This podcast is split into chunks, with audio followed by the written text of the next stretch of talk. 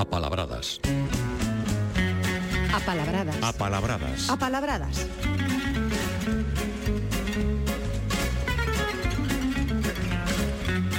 Paulino Novo, que tal? Moi bons días. Bos días. Hoxe as apalabradas veñen en catro rodas e non sei se cun motor daqueles barreiros.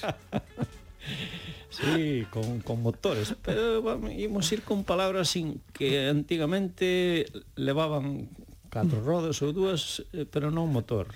Imos dar unha voltiña. Nada que ver co do en día. É certo, os automóviles que conducimos hoxe non teñen nada que ver cos de hai 50 anos e os de dentro de quizáis 15 anos pouco terán que ver cos de hoxe, pero os nomes quedan, porque os primeiros coches Paulino tampouco tiñan motor, como acabas de dicir. E hoiximos pegar un repaso, este é a túa proposta, a moitas maneiras que temos de denominar este medio de transporte, e seguro que os coñecemos prácticamente todos, pero o que hoxe nos vas propoñer é repasalos. Sí, e non todos, porque son infinitos, eh? seguramente quedan algúns interesantes que, bueno, temos tempo para, para recuperalos en calquera momento, pero hoxe hoximos darlle un bon repaso referíaste a palabra coche. Efectivamente, a palabra coche, ou sea, un automóvil, pero antigamente era era un, unha carruaxe. E foi tamén en algún sitios un vagón de ferrocarril. Veremos despois como hai moitas outras palabras que daban nomes a coches tirados de cabalos, que algunhas quedaron e outras se perderon. Coche é unha delas. Coche que é unha palabra húngara ou checa, de orixe húngaro, húngara ou checa. Eh, outra palabra que acabamos de mencionar tamén, automóvil, a palabra transparente, non? Uh -huh. eh, móvil autónomamente, non? Eh, outra palabra tamén que usamos de maneira xenérica é turismo. E turismo tomámolo do francés, turismo, que tamén ten os do, te, que ten o, o outro significado de turismo, sair de turismo, sair de viaxe. Eh, e en francés era esta palabra derivada de tour. Tour, que coñecemos perfectamente. O tour é a volta.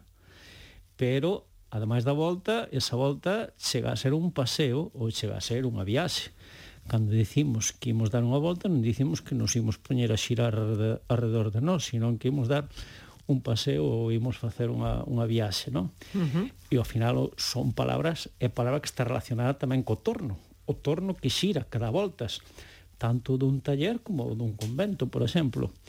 Ou o castelán tornillo, o noso parafuso, tamén dá voltas, non? Pois o turismo ven, ven dai. Pero no sentido de que sirve para dar paseo ou para viaxar. Dicía eu que íamos recuperar outras palabras de, de carruaxes. Eh, unha delas é calesa, por exemplo, que era unha palabra, así como dicía que coche podía ser de orixe húngara ou checa, calesa é unha palabra seguramente de orixe checa, inda que despois pasou polo alemán e polo, e polo francés. E, temos Berlina tamén. Berlina era unha carruaxe cerrada. Pero hoxe, unha berlina é un coche para catro prazas e con maleteiro. E, leva o nome de Berlina que imaginamos e deducimos que deriva de Berlín porque foi nesta cidade alemá onde onde se ideou esa carruaxe antiga, eh? En os concesionarios actuais empregase perfectamente a palabra Berlín. Berlina ou sedán, que é o mesmo tamén. E sedán tamén era antigamente tamén era unha carruaxe cerrada. E hoxe empregas no mesmo eh, no mesmo sentido de Berlina, eh? Este sedán seguramente se chama a palabra inglesa de sedán no significado de cadeira para, para sentarse. Outra palabra que daba nome nun carruaxe que usamos hoxe, cupé. Cupé era unha carruaxe, pero era, esta era cerrada e curta, con poucos asentos, non, non a fileira nada máis. E hoxe é un deportivo con asentos eh, dianteiros e os detrás pode leválos, pero son incómodos. Para as familias non valen. Sí. Para as familias numerosas non valen. E tamén, tamén do francés, do francés coupé, derivado de coupé, que era cortar, porque é cortado. Eh? Unha berlina córtala e quedache, e quedache o coupé. Deste cortar, deste eh, coupé, temos tamén a palabra cupón, que originariamente era un recorte, eh? está relacionado con eso. Unha palabra tamén para carruaxes que non quedou para coches modernos, aínda que se lle pode chamar con mala idea, é unha tartana. Tartana que tamén era unha embarcación pequena, ou carruaxe de dúas rodas. Que suxire algo así como eh, estropeado, non? eh, orixe onomatopeica. Despois imos ver outra palabra, fotingo tamén onomatopeica, a tartana tamén ta ta ta ta ta ta ta. ta. Non, non, non, non marcha ben, non? e podese chamar tamén a algún, algún coche que non que non carbura ben, podese chamar tamén tartana. Cabriolé era outro nome tamén para eh, para carruaxe eh, de cabalos. Era lixeira, aberta polos lados, e logo foi tamén deu nalgún sitio nome a un coche descoberto e con capota, cabriolé, ainda que é menos usado por aquí, por estes lados, eh, eu creo que non se chegou a usar moito. E tamén se toma do francés, eh, de cabriol, que corresponde ao noso, a nosa palabra cabriola, cabriola que é un salto que se dá cos pés no aire, non?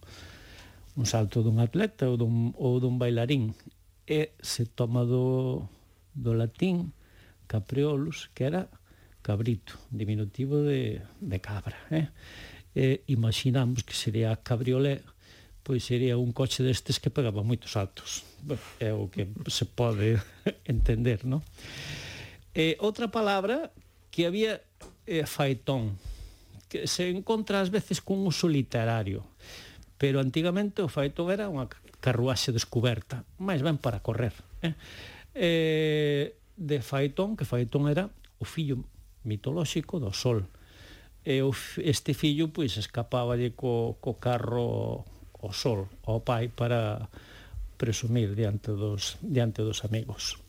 Outra palabra para carruaxe antiga era Simón, que parece que é a abreviatura de o coche de Simón. E este Simón contase e aparece algo na literatura do 18 que era un cocheiro madrileño que tiña bastante fama.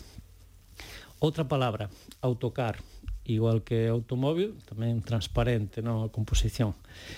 E xa para rematar, unha que tamén tomamos de latín, omnibus.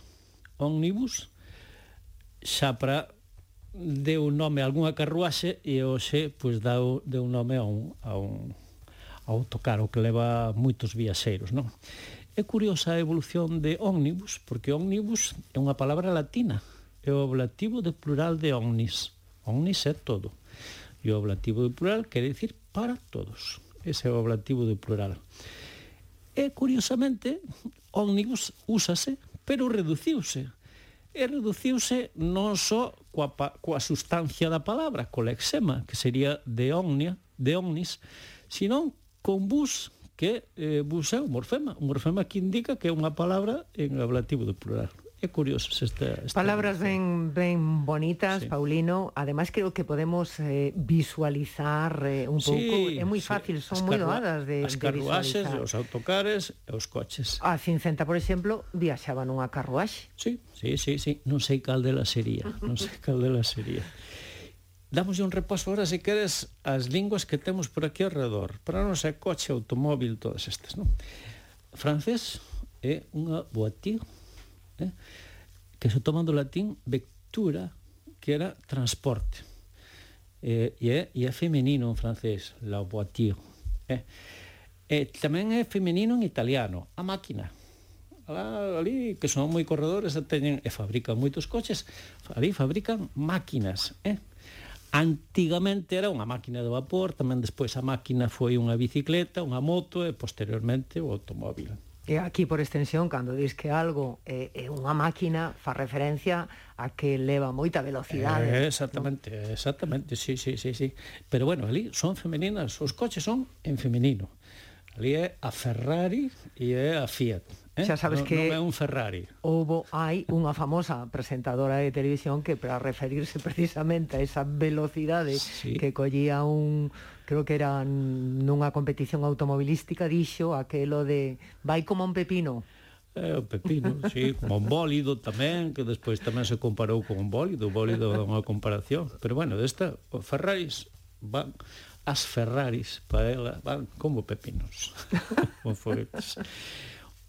Aquí usamos eso, coche, pero en portugués son o carro, eh, en, en Sudamérica é o, son os carros, en inglés é o car. Eh? Esa palabra que aquí non prendeu, pero por aí por fora en moitos sitios son os car, car o, os, os carros. Eh? eh, que se toma do latín, o latín carros, que era o carro de o carro de transporte. Despois aquí houve de carros houve carruaxes, carromatos e carrocetas. As carrocetas é un, un coche moi interesante que é galego. Eh, as carrocetas eh, fixéronse eh, son como co, camións pequenos todo terreo que se usaron originariamente estamos falando de mediados, algo de, antes de mediados de, deste de século pasado 20 eh, que se usaban no monte nas minas, usábanse no Cantábrico, esa zona, norte de Lugo, porque as primeiras fixáronse na Ponte Nova, en Lugo, e eh, zona de Asturias, sobre todo. E eran, bueno, fixáronse ali na Ponte Nova, depois houve unha escisión, que todos coñecemos, ali era a IPV, houve unha escisión que é euro que temos aquí en Santiago, pero son os, os únicos que fixaron carrocetas, aproveitando camións antigos do militares que tiñan tracción total e independente, as dúas guiaban independentemente, e eran de gasolina, e entón aproveitaban, modificaban algo os eixos e cambiaban os motores de gasolina que gastaban moito por os de por os diésel, por os de, por os de gasóleo. E esas carrocetas de carro tamén. E, e rematamos, alemán, Wagen. Wagen, que ao mellor non coñecemos, pero sí que a sacamos dunha marca alemá que é Volkswagen. Wagen coche, Volk xente, o povo. A marca creada para que todos os alemáns para que o povo tivera os coches. E remato con dúas ou tres palabriñas así curiosas, destas de creación popular que sabes que me gustan e sei que a ti tamén che gustan. Desas que lle poñemos a xente porque se nos ocorren, non? Había antigamente unha que chamaban Rubia, que era unha DKV tipo furgoneta para carga ou pasaxeiros. Sería pola cor, pero a denominación que había en España era a Rubia. Aiga, chamamos en Galicia tamén o coche espectacular que traían os indianos ou os emigrantes enriquecidos. E fotingo, que falaba antes dunha palabra onomatopeica. Fotingo chamase tamén a calquera coche malo, ou que carbura mal. Por último, outra palabra que todos coñecemos, pero que seguro que a todos nos gusta recordala, que é o chempín, ese mm. tractor pequeno, non? Que é unha palabra así moi eh, popular, non? Eh, moi nosa. Noutros sitios ese tractor pequeno chamaselles Pascualín porque había unha marca, creo que era italiana, que era Pascual, entón o tractoriño pequeno pois pues era, era Pascualín, entón chamar, chamábase Pascualín. O de chimpín, que a creación popular non hai que buscar yo orixe, pero mellor está relacionado tamén co chimpar, co, co, coa cabriolet. Esta, a cabriolet saltaba e o chimpín o mellor chimpaba algo tamén, tamén saltaba. Un especial coches, automóviles, hoxe nesta sección das apalabradas, e estaba pensando eu, pero claro, como non me decatei nun inicio? A Paulino gustanlle tanto, tantos coches, porque na súa casa originariamente sí, hubo un taller, un negocio de coches, un negocio claro, de coches claro, fantástico. Nacimos, eh, a, Ali en Meira. ¿eh? Nacimos, sí, ya familia. Eh, hasta, y los Vallejo. Hay, hay, sí, hay, coches, hay coches en la familia por todos los sitios. Sí. Pues antes de, de, rematar, xa moi brevemente, se che parece, eh, ofrecernos, como a todos os sábados, unha palabra pouco usada. A de hoxe tamén é ben bonita, Ronsel. Ben bonita, verdad? A palabra literaria. E é, ademais, exclusiva do galego e sabes que esas que son nosas as tratamos un pouquiño máis cariñosamente. O ronsel é o rastro que deixa unha embarcación ao navegar. Eh? E, seguramente, pois, os mariñeiros poden empregar ronsel e os que non vivimos no mar, pois menos, pero podemos usar figuradamente, no sentido de algo de rastro ou de pegada que deixa algo ou alguén. Que decir, podemos usala figuradamente e para eso é unha palabra é unha palabra bonita, como digo, exclusiva do galego.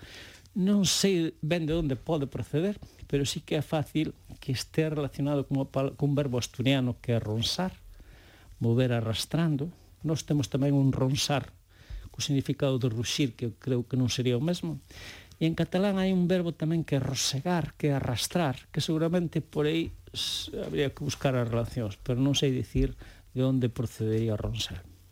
Pois quedámonos un pouco con ese enigma eh, e quizáis para a vindeira semana teñamos en todo caso a resposta. Querido Paulino, Un prazer terte aquí. Eh, Igualmente. Eh, un sábado máis. Non sei se marchas en moto ou en coche.